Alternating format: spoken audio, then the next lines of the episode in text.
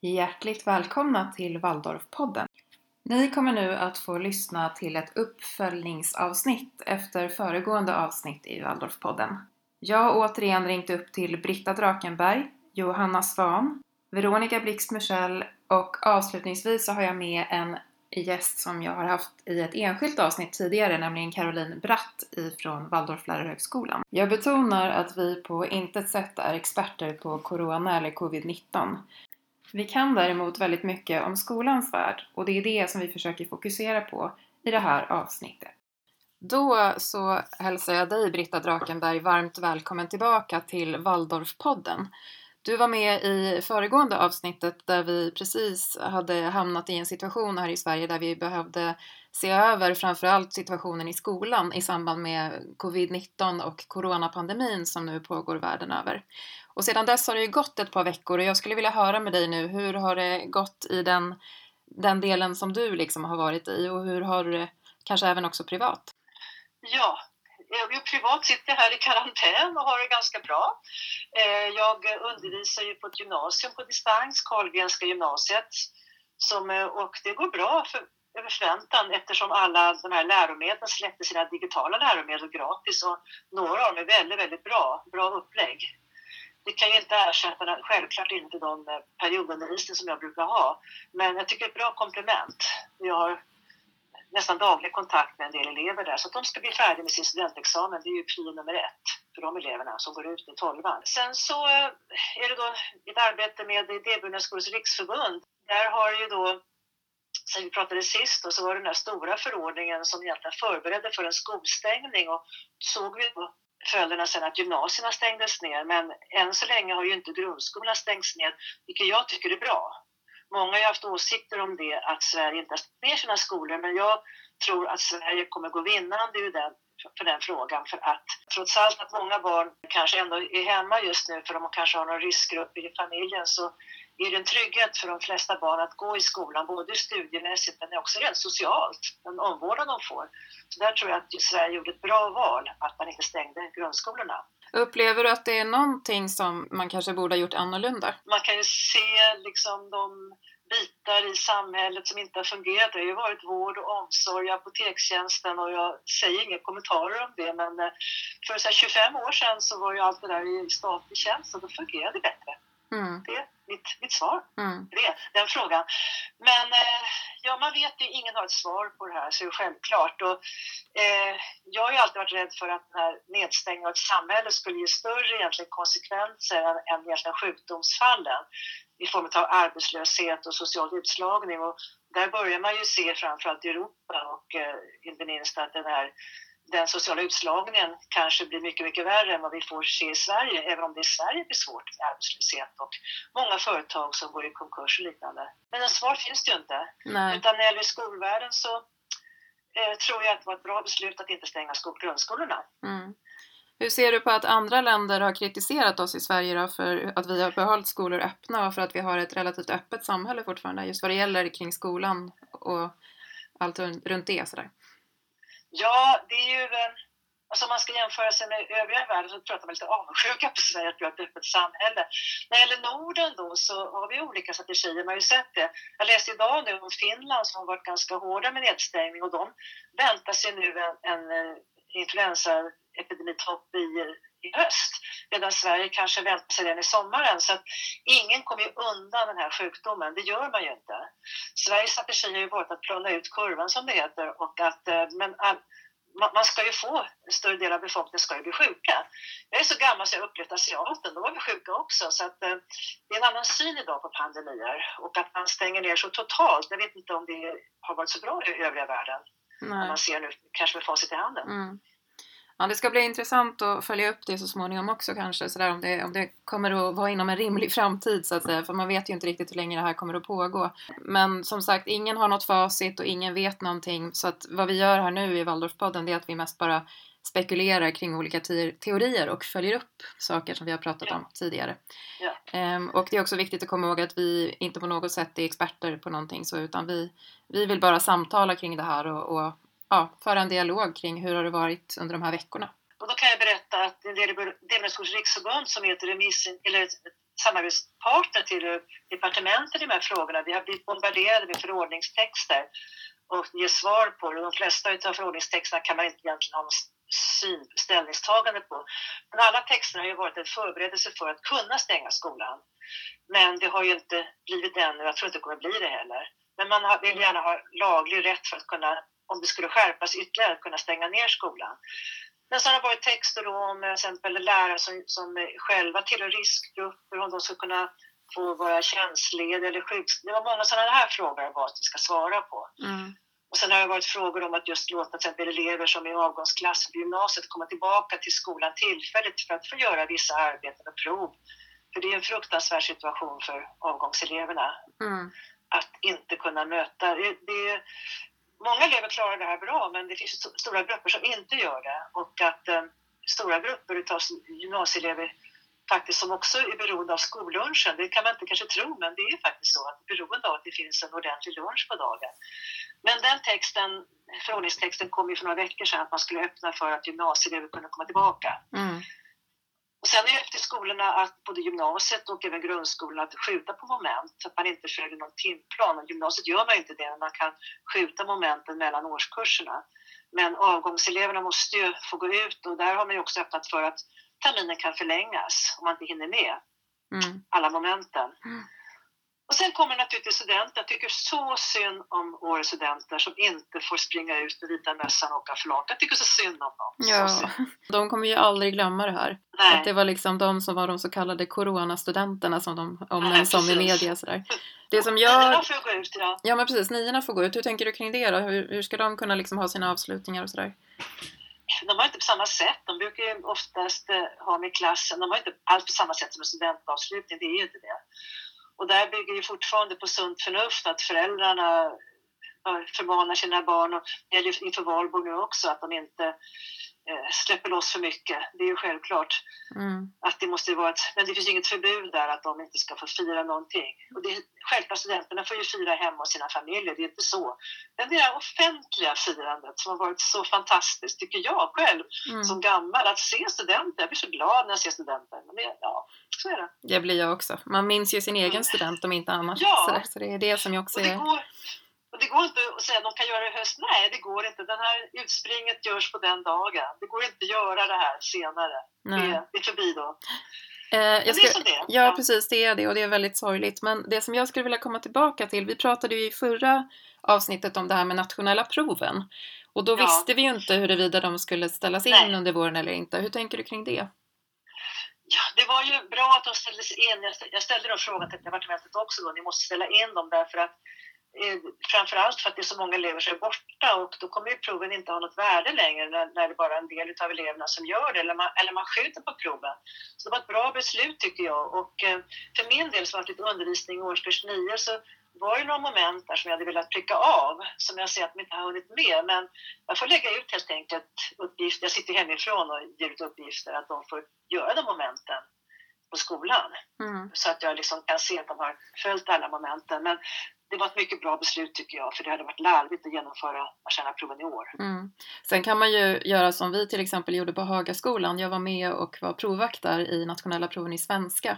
Och eh, trots att det här beslutet kom då att det inte ska räknas med så har vi ändå sagt att nu gjorde eleverna provet och det är klart att det ska rättas så att de får se resultaten. Och sen så kan vi ha det som ett underlag i, i bedömningen. Så att det ja, känns ändå väldigt rättvist mot eleverna med tanke på att de satt i två dagar och skrev det här. Ja, ja, absolut. Det var det enda prov som han göra. Så jag skulle ha gjort biologiprovet och det fick inte jag se. Så de drog in det. Mm.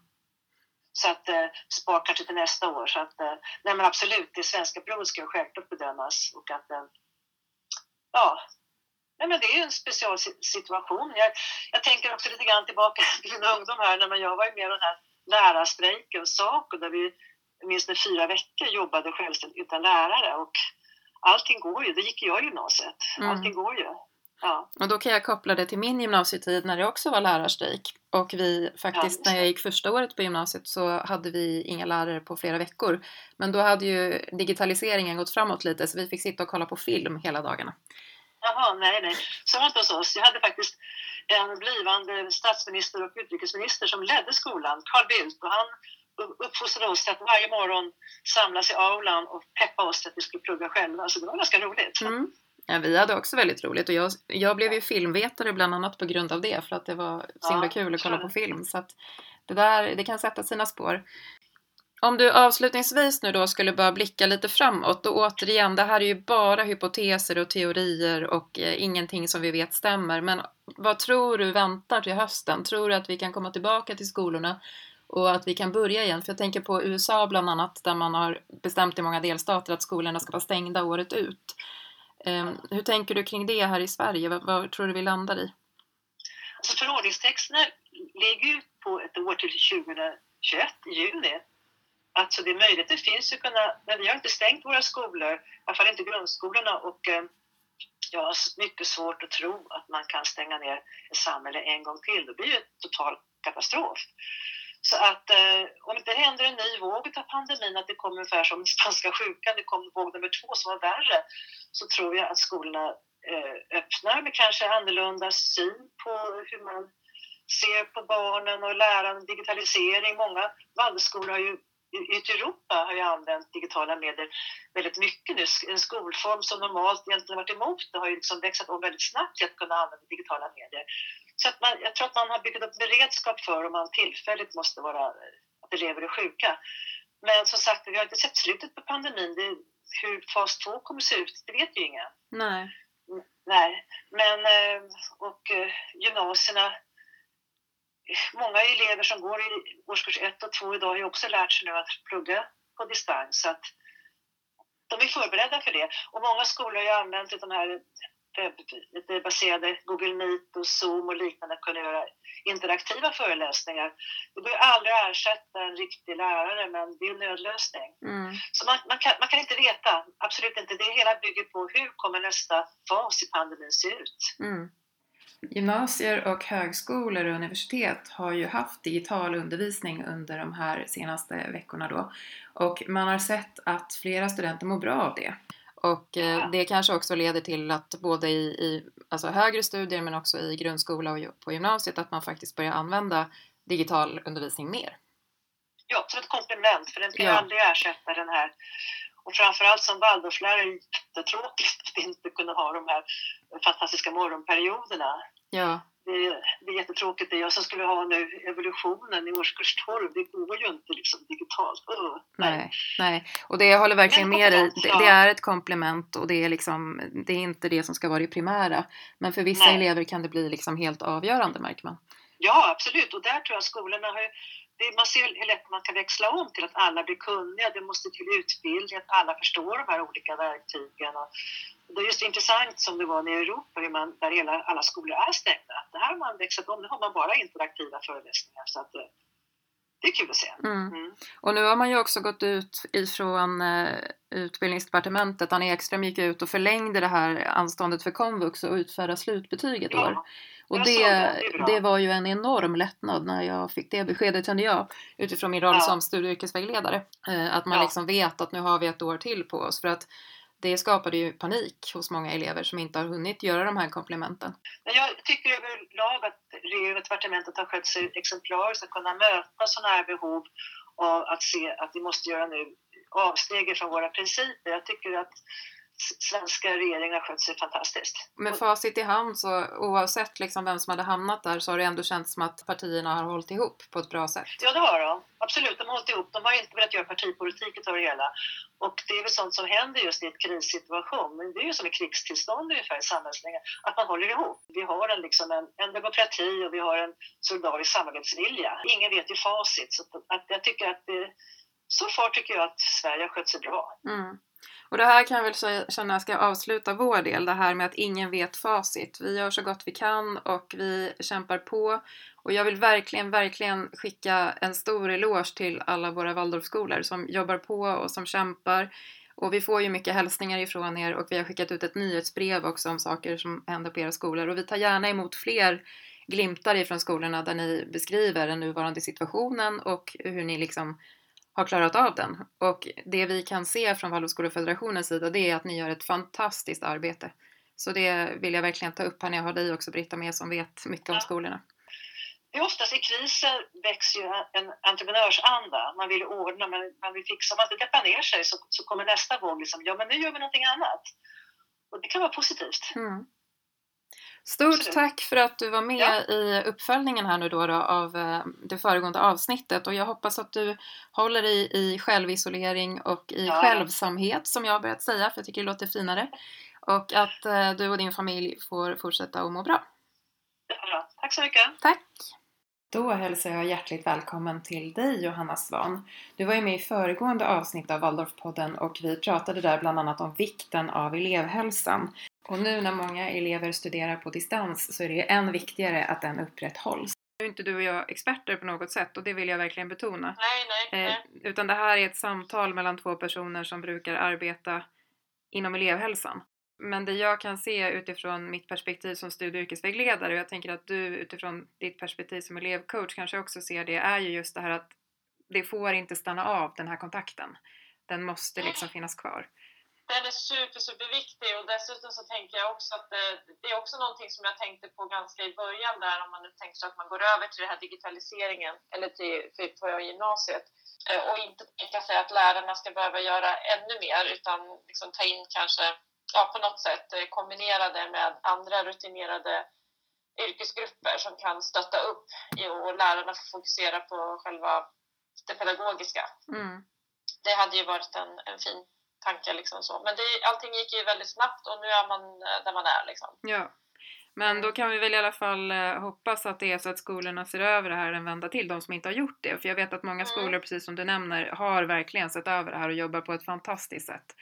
Mm, så att mm. jag vill verkligen, jag berömde skolorna förut när jag pratade med Britta men jag vill verkligen lyfta det en gång till och säga att det är fantastiskt hur snabbt man har kunnat ställa om på många ställen. Ja, ja men verkligen. Och så tänker jag också det här som jag vet att jag, eller jag har för mig att vi pratade om också, att det här med att vissa, eh, vissa elever, att det kanske har blivit lite skillnad i också vilka elever det är som eh, nu också behöver hjälp.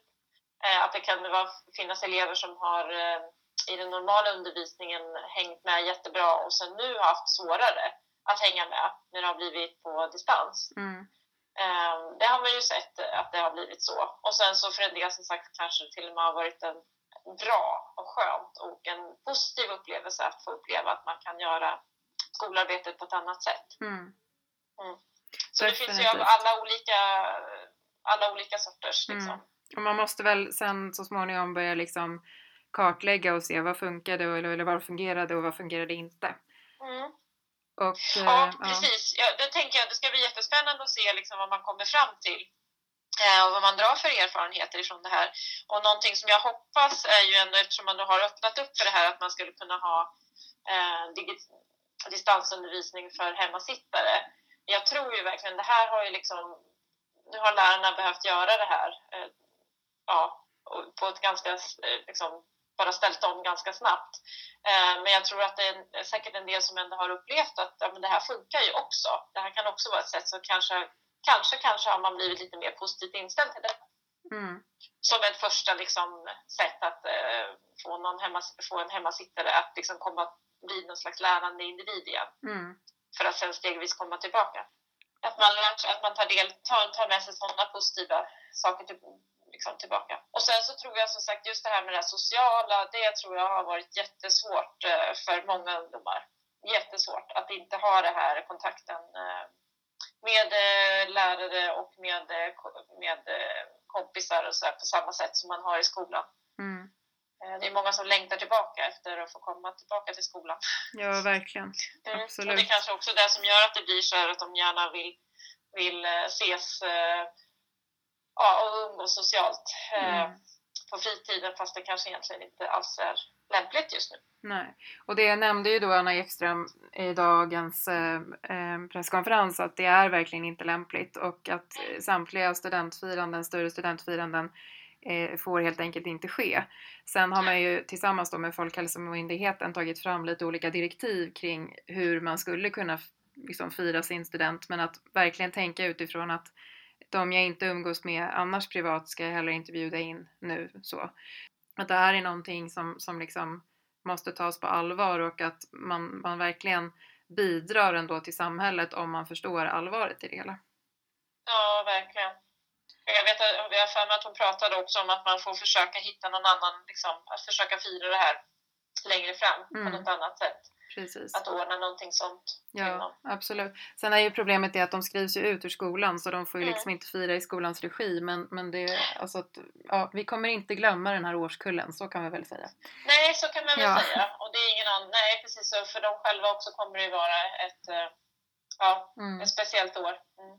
En annan sak som lyftes idag på presskonferensen och jag tänker utifrån vår, eh, vår roll eller våra roller i elevhälsan det är ju det här med föräldraansvaret. Att, eh, att just veta att fast eh, man liksom kanske tycker att det är synd att ens barn inte får vara ute och socialisera och sådär, att, att ta det ansvaret.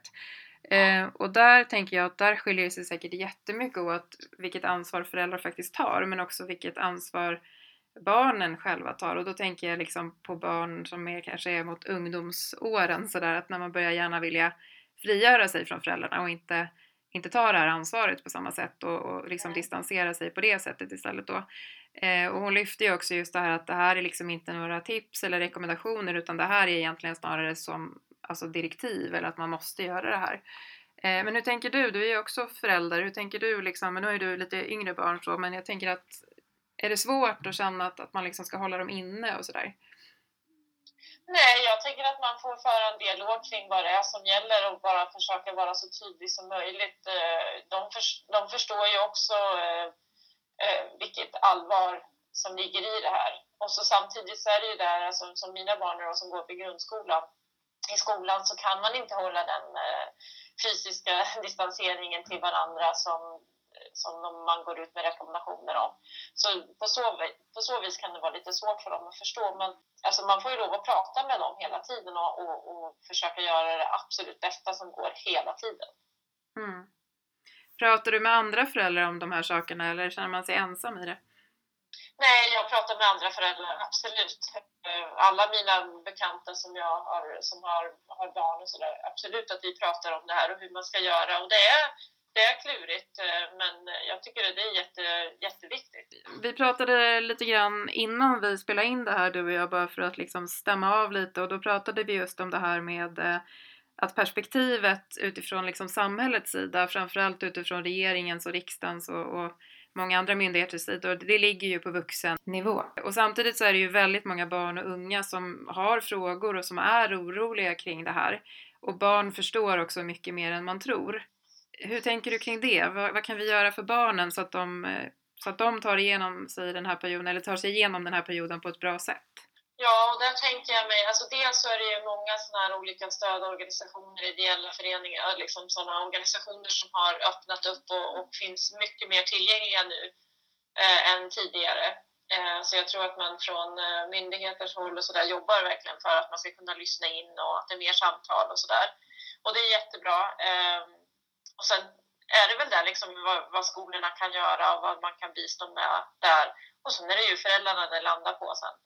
Och sen är det väl också då kanske viktigt att tänka på att i de fall där föräldrarna inte riktigt mäktar med eller inte mm. riktigt klarar av sina, sitt föräldraansvar. Det kan ju vara väldigt många olika orsaker till det men att man, man ifrån skolans sida då kanske får bistå eller hjälpa till. Men, men som du säger, det är föräldrarna som har det slutgiltiga ansvaret. Ja, men det är ju det. Det är samma kombination som, alltså den kombinationen som vi har med delat ansvar. Att det behövs ju för att det ska kunna bli bra kring en elev, en ungdom, så behöver ju både föräldrar och, och skola sluta upp på myndigheter runt omkring i mån av behov. Liksom. Mm. Avslutningsvis, hur, eh, om du skulle säga, nu, nu är vi så här snillen spekulerar brukar jag skoja och säga men, och det är ganska dåligt skämt egentligen för vi, vi är inte så experter på någonting här nu och det är ingen som vet eh, vilka metoder som har varit bra eller dåliga utan det där får man utvärdera om några år och man får liksom helt enkelt leva i nuet tänker jag hela tiden just under den här tiden. Om du skulle sådär spekulera lite vad tror du att vi kommer att dra, vilka, vilka tror du är de största lärdomarna vi kommer att dra inom framförallt då elevhälsan kring det här? Alltså dels så tror jag, eller som sagt det kanske är mer en förhoppning i alla fall, att, eh, att man kan se olika lösningar för olika elever, att även digital eh, eller distansundervisning kan funka för vissa och att man kan sätta in det där om man skulle behöva det. Att, eh, men och, verkligen, verkligen att det här behovet utav och vuxna eh, runt omkring ungdomar är så viktigt och det måste finnas kvar oavsett vad det är för typ av undervisning. Mm. Eh, det är centralt mm. och kanske ännu mer behövs det vid, vid eh, distansundervisning. Mm. Och det kan vi väl liksom egentligen kanske dra som en liten sammanfattande Alltså att det vi kommer fram till här nu då när snillena spekulerar på slutet mm. det är mm. just det här att man har dragit ner väldigt mycket inom skolans värld på personal och man har också dragit ner väldigt mycket i vården på personal. Eh, och det är ju så att, att både skolan och vården är ju liksom en plats där man vårdar eller där man tar hand om och så vidare och, och vi behöver vara fler vuxna som hjälper barn och ungdomar. Mm, verkligen, jag tycker att det har blivit eh, så otroligt tydligt vad som har hänt om under senaste, eh, ja, vet inte, 30-40 åren utav ja, hur skolan har förändrats, hur vården och hur man liksom har successivt liksom minskat. För det blir ju också väldigt tydligt för oss som är inom elevhälsan hur det är när man drar ner på de här tjänsterna mm. och det, det är mm. inte bra helt enkelt. Det får konsekvenser i samhället så småningom som jag inte ens en gång tror att alla förstår. Mm. Så att eh, det kommer vi väl kanske också kunna få med oss som en lärdom.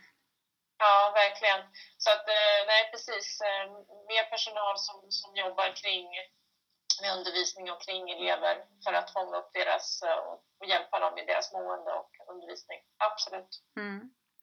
Stort tack för att du var med i det här uppföljningsavsnittet då och jag hoppas att du får det fortsatt bra och att du håller ut. Ja, vi får helt enkelt uh, kämpa vidare vi som arbetar inom elevhälsan och försöka göra det bästa av situationen. Precis, även om det sker via Skype eller Teams eller hur det, hur det sker. Ja, precis. Väldigt mm. mycket sker ju digitalt som sagt och det går ju att ha möten digitalt också så att det funkar perfekt. Precis. Mm. Då säger jag hjärtligt välkommen tillbaka till Waldorfpodden, Veronica Blixt Michel som arbetar som rektor på Hagaskolan i Solna. Hur har du haft det sedan vi hördes vid den 18 mars? Hej! Jo, det har varit en, en ganska intensiv och uh, intressant period. Vi var ju ganska förberedda där på eventuell stängning när vi pratade senast. Jag höll på med förberedelser för det i kollegiet. Sen så blev det ju aldrig så. Eh, så vi har väl jobbat på som vanligt på plats så, så gott det går med alla lärare och alla pedagoger. Mm. Ni gjorde ju en väldigt gedigen anpassningslista och ni verkligen var ju väl förberedda och sådär. Är det någonting från den planeringen, trots att det då inte blev digital eller distansundervisning, som ni har kunnat använda er av? Ja, alltså vi har ju pratat om att, att börja jobba mer, mer, lite mer digitalt än vad vi har gjort tidigare eh, och kunna, kunna eh, använda Google Classroom till exempel lite mer Eh, det har inte vi gjort innan. Så det var väl något positivt som kom, kom ur det. Och sen så har vi ju generellt, vi har ju haft lite elever hemma som inte har kommit till skolan och då har vi också kunnat eh, jobba för att de också ska kunna ta del av uppgifter och så på ett annat sätt. Eh, så det, var, det, har inte varit en onödig förberedelse, det skulle jag inte säga, utan det var väl bra att, titta på hur man kan göra på andra sätt i olika situationer. Stora skillnaden är väl att vi har fler elever på plats eh, och lärare har vi också på plats många, men det tycker jag att vi har haft hela tiden. Vi har inte haft så mycket sjukfrånvaro. Det har varit några dagar som det har varit lite, lite extra körigt, men det har löst sig väldigt bra. Eh, och eleverna börjar komma tillbaka så att vi har en ganska låg frånvaro nu sista veckorna efter påsk.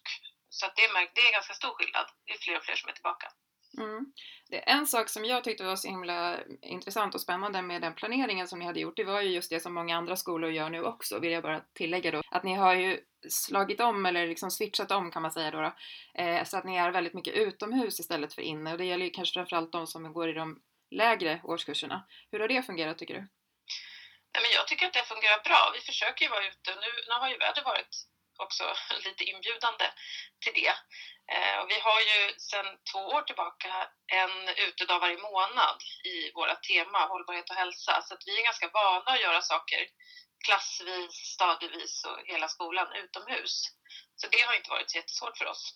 Det svåra som jag upplever som har varit, det är ju hela tiden att hela tiden behöva hålla sig ajour med allting. Det har ju varit otroligt. Har, jag vet inte hur många presskonferenser som jag har tittat på. Eh, det har ju varit varje dag och att följa med i nyhetsflödet hela tiden för att eh, hålla sig uppdaterad om vad som kommer hända för att kunna förbereda kollegiet och alla på ett bra sätt och ligga lite steget före. det är väl det som har varit den stora utmaningen tycker jag. Det har varit ganska ansträngande.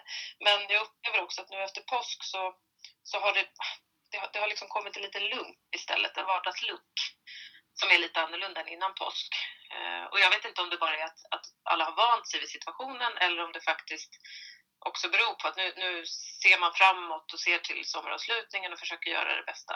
Det var ju en presskonferens igår där Anna Ekström gick ut och sa att det här kommer ju bli en tuff tid också framöver. Det kommer ju vara många elever, nämnde hon bland annat, som behöver ta igen en stor del av mm. undervisningen som har skett nu under våren. Hur tänker mm. du kring det? Men vi gjorde en, efter påsklo, eller under påsklovet så gjorde vi en sammanställning på, för, för att ha en lite noggrannare översyn över vilka som har varit borta och under vilka perioder och vilka elever då som skulle ha lite mer att ta igen och hur det ser ut. Eh, så det har vi gjort nu efter påsk och så har vi suttit ner då och gjort planer faktiskt för alla elever. Vi har gått igenom elev för elev på högstadiet och sett hur har frånvaron sett ut, vilka ämnen eh, och vad, vad, behöver de göra fram till sommaren? Hur kan vi lägga upp det om de blir borta igen? Eh, vad kan man ha för extra, extra plan då för om det blir en hög frånvaro igen. För vi kan ju inte räkna med att alla elever kommer vara på plats nu varje dag fram till sommaren. Så det har vi gjort en planering för. Eh, och det, det känns som att vi i alla fall har, har bra koll på det just nu vad vi ska jobba med framöver. Slutligen då, då så skulle jag vilja veta vad, vad, du, vad tror du kommer bli liksom den, den svåraste utmaningen för skolan? Och nu är det verkligen så här som jag har nämnt tidigare när jag pratade med Johanna och även med Britta att vi är inga experter, vi vet liksom inte alls hur det kommer bli och det vet ju i stort sett ingen så. Men det vore ändå intressant att höra vad du, vad du själv personligen tänker kring eh, vad som kommer kanske bli höstens tuffaste utmaningar eller hur du tänker dig att, att det här kan fortsätta. Ja, det svåra kunde ju ha varit om, om vi hade tappat väldigt mycket undervisning eh, och vi hade behövt liksom lägga om timplaner och ta igen allt sånt. Nu, nu kan jag inte riktigt se att det kommer bli ett stort problem för oss. Eh, vi har kunnat genomföra den mesta undervisningen då. Sen så är det klart att det kommer ju hänga kvar och sen vet man ju inte hur det utvecklas. Om det kommer till en andra våg, om det här händer igen, så kommer det ju vara fortsatt svårt, framförallt för lärarna tänker jag, som hela tiden behöver ha, genomföra saker på plats och ändå vara lite, lite beredda på att det inte går att göra som man har tänkt faktiskt. Man måste ju vara väldigt flexibel i det här som lärare och det är klart att det är ansträngande. Mm. Stort tack för att jag fick ringa dig igen Veronica och, och höra lite om hur ni har haft det under de här veckorna och vi får se om det blir någon uppföljning sen till hösten igen kanske. Ja, tack själv. Ja, tack. Då hälsar jag hjärtligt välkommen till Waldorfpodden Caroline Bratt som är rektor på Waldorflärarhögskolan i Bromma här i Stockholm. Hej och tack så mycket. Jag eh, tänkte höra med dig, hur har ni haft det på Waldorflärarhögskolan? Därför att det har ju varit väldigt mycket omställningar nu just för de som har högre studier. Och hur har det fungerat för er, tänker jag, under den tiden sedan man bestämde att högskolor och universitet inte skulle kunna få ha undervisning på plats utan på distans? Ja, vi bestämde ju då i mitten på mars att ställa in all platsförlagd undervisning. Men jag vill betona att vi har inte ställt in några utbildningar. Men det är klart att det innebar ju då att vi var tvungna att lägga om till distansundervisning. Vi som arbetar här har fått lära oss att spela in föreläsningar, göra instruktionsfilmer, göra en del typer av nya uppgifter till studenterna. Eh, vi har inte haft fjärrundervisning, det vill säga vi har bara haft saker som är inspelade. Vi har inte gjort det i realtid. Det ska en grupp vara med om nästa vecka för första gången. Så det är nästa steg för oss att kanske lära oss att också arbeta mer i realtid.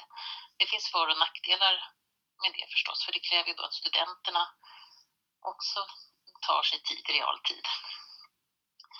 Eh, men visst, det har varit en omställning och som lärare så tänk, märker man väl att när man spelar in föreläsningar, flera stycken i rad särskilt, det blir ju lite stumt. Eh, man saknar eh, studenternas delaktighet och jag föreställer mig att det kanske blir lite tråkigare för studenterna att lyssna. Eh, även om det kanske finns fördelar för vissa studenter att de kan gå tillbaka och lyssna igen på material och så. Mm. Men vi längtar ju efter att också få studenter på plats. Ja, det kan jag verkligen förstå. Men på sikt kommer det här säkert eh, kunna bli ett komplement, att vi kommer att kunna kanske använda oss mer av eh, inspelat material mellan modulveckor så det innebär nog inte att vi kommer minska på den platsförlagda undervisningen men kanske däremot komplettera den och ändra arbetssätt ibland. Mm. Och det där som du nämner nu, det har ju flera nämnt. Eh, jag har ju haft kontakt eh, med vänner och, och också kollegor och annat som jobbar inom universitets och högskolevärlden och det är ju många som nämner just det här med att man ser ju nu både fördelar och nackdelar såklart med att ha den här typen av undervisning som är nu. Och ni har väl redan kanske börjat förbereda lite för det också då, eller är det? Ja, vi tänker oss att när vi har börjat prata med varandra en del om till exempel att man kanske genom att ha inspelade föreläsningar skulle kunna ha, få studenter att lyssna på dem innan de kommer hit och då kunde man ha mer praktiska inslag på utbildningen. Något som vi inte har kunnat ha så mycket för vi har haft tidspress helt enkelt under modulveckorna så det har inte alltid varit möjligt. Men vi har ju inte hunnit landa helt än och det är också så att vi ses ju inte på samma sätt för det är inte bara det att studenterna inte är här. Vi är själva inte här i samma utsträckning som vanligt. Vi arbetar i hög grad hemifrån och ses, inte då på daglig basis, men bara ibland. Eh, så, så det är flera saker som vi behöver landa i också innan vi vet hur saker blir till hösten. Men vi räknar ju med en med att vi kommer igång som vanligt till hösten igen med nya grupper och med de grupper vi har. Mm. Och det är också lite därför jag ringer dig, därför att det är ju så att den här veckan är ju egentligen sista ansökningsdagen till höstens utbildningar. Nej, jag tänkte just passa på att säga att vi, vi har bestämt idag faktiskt att på grund av den situation som råder och som innebär att skolorna inte riktigt har så lätt att planera heller eh, för hösten, de har haft så fullt upp med annat, så förlänger vi ansökningstiden till sista maj. Så att det finns gott om tid nu att söka till utbildningarna och de utbildningar det gäller är då fritidslärarutbildningen, klasslärarutbildningen och ämneslärarutbildningen. Det är de tre som är aktuella till hösten.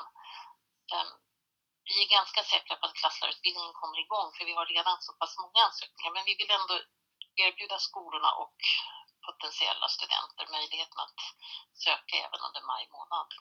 Vi vet att det har varit svårt för många att planera framtiden Mm. Och det låter ju jättebra. Det ska vi verkligen slå ett litet slag för och det kan jag skriva också någonting om i bloggen, alltså Waldorfpoddens blogg. Ehm, men vad heter det, jag tänker att eh, varför tror du att det är liksom extra viktigt nu och utbilda sig till Waldorflärare just? Om man ska bara ge ett lite så här, en liten glimt av vad det kan ge en i livet sådär. Ja, generellt är det så att vi behöver lärare, våra barn behöver lärare. De behöver utbildade lärare som också väljer ett yrke som de kanske vill stanna kvar i en längre tid och inte bara ha som ett genomfartsyrke. Och att vara på en Waldorfskola, det är ju spännande. Det är på ett sätt, man är ju förstås styrd av en massa saker, men det finns ju också ett frirum där man får tillfälle att verkligen eh, använda de kompetenser och kunskaper och förmågor man har, både de man har innan och de man skaffar sig under utbildningens gång. Eh, och dessutom så har ju just Waldorflärarutbildningen ändå den unika situationen att man kan faktiskt arbeta och studera samtidigt. Man blir inte beroende av att ha studiemedel i samma omfattning som om man skulle studera på heltid till exempel. Det är väl också en fantastisk möjlighet ja. Som, som finns. Jag har ju bara, jag, menar, jag har ju egen erfarenhet av att arbeta som klasslärare och jag kan ju bara varmt rekommendera det arbetet. Mm. Det är väldigt roligt. Mm. Eh, ni försökte ju starta upp fritidslärarutbildningen under förra året. Eh, hoppas du att det är fler som nappar på det nu? Ja, det är klart vi hoppas, för vi är ju bekymrade när det gäller fritidshemmen. Vi ser ju att det är eh, en, inte så... Alltså andelen utbildade behöriga fritidslärare, den är ganska låg i våra fritidshem. Inte bara i Waldorf-fritidshemmen, det gäller ju fritidshemmen överlag i Sverige. Så det är klart att det är angeläget att de som arbetar där är utbildade, det bidrar ju ändå till att stärka kvaliteten, öka kontinuiteten bland de anställda, det blir en mer trygg situation för barnen.